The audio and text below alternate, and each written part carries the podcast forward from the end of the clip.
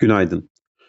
Japonya Merkez Bankası, ülkenin yerel para birimi Japon yeninin dolar karşısında hızla zayıflamasının ardından 24 yıl sonra ilk kez doğrudan döviz müdahalesine başvurdu.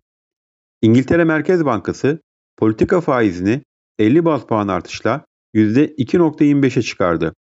Bu artışla banka üst üste 7. kez faiz arttırırken bu rakam 2008'den beri en yüksek politika faizini işaret ediyor.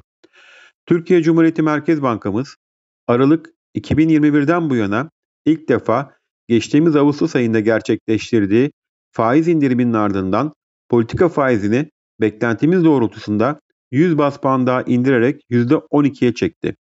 Tüketici güven endeksi Eylül ayında 72.4 değerini alarak bir önceki aya göre 0.3 artarken bir önceki yılın aynı ayına göre %9.2 azaldı. Türkiye Cumhuriyeti Merkez Bankamızın rezervleri 16 Eylül haftasında önceki haftaya göre 1.1 milyar dolar artışla 114.7 milyar dolara yükseldi. Borsa İstanbul bugün BIST 50 endeksindeki paylar için açığa satışta yukarı adım kuralının uygulanacağını duyurdu.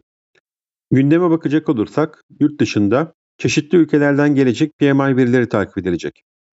Bu sabah Asya endeksleri satıcılı, Amerika'da vadeli endeksler ise yatay işlem görüyor. Borsa İstanbul'da yatay bir başlangıç öngörüyoruz. İyi günler, bereketli kazançlar.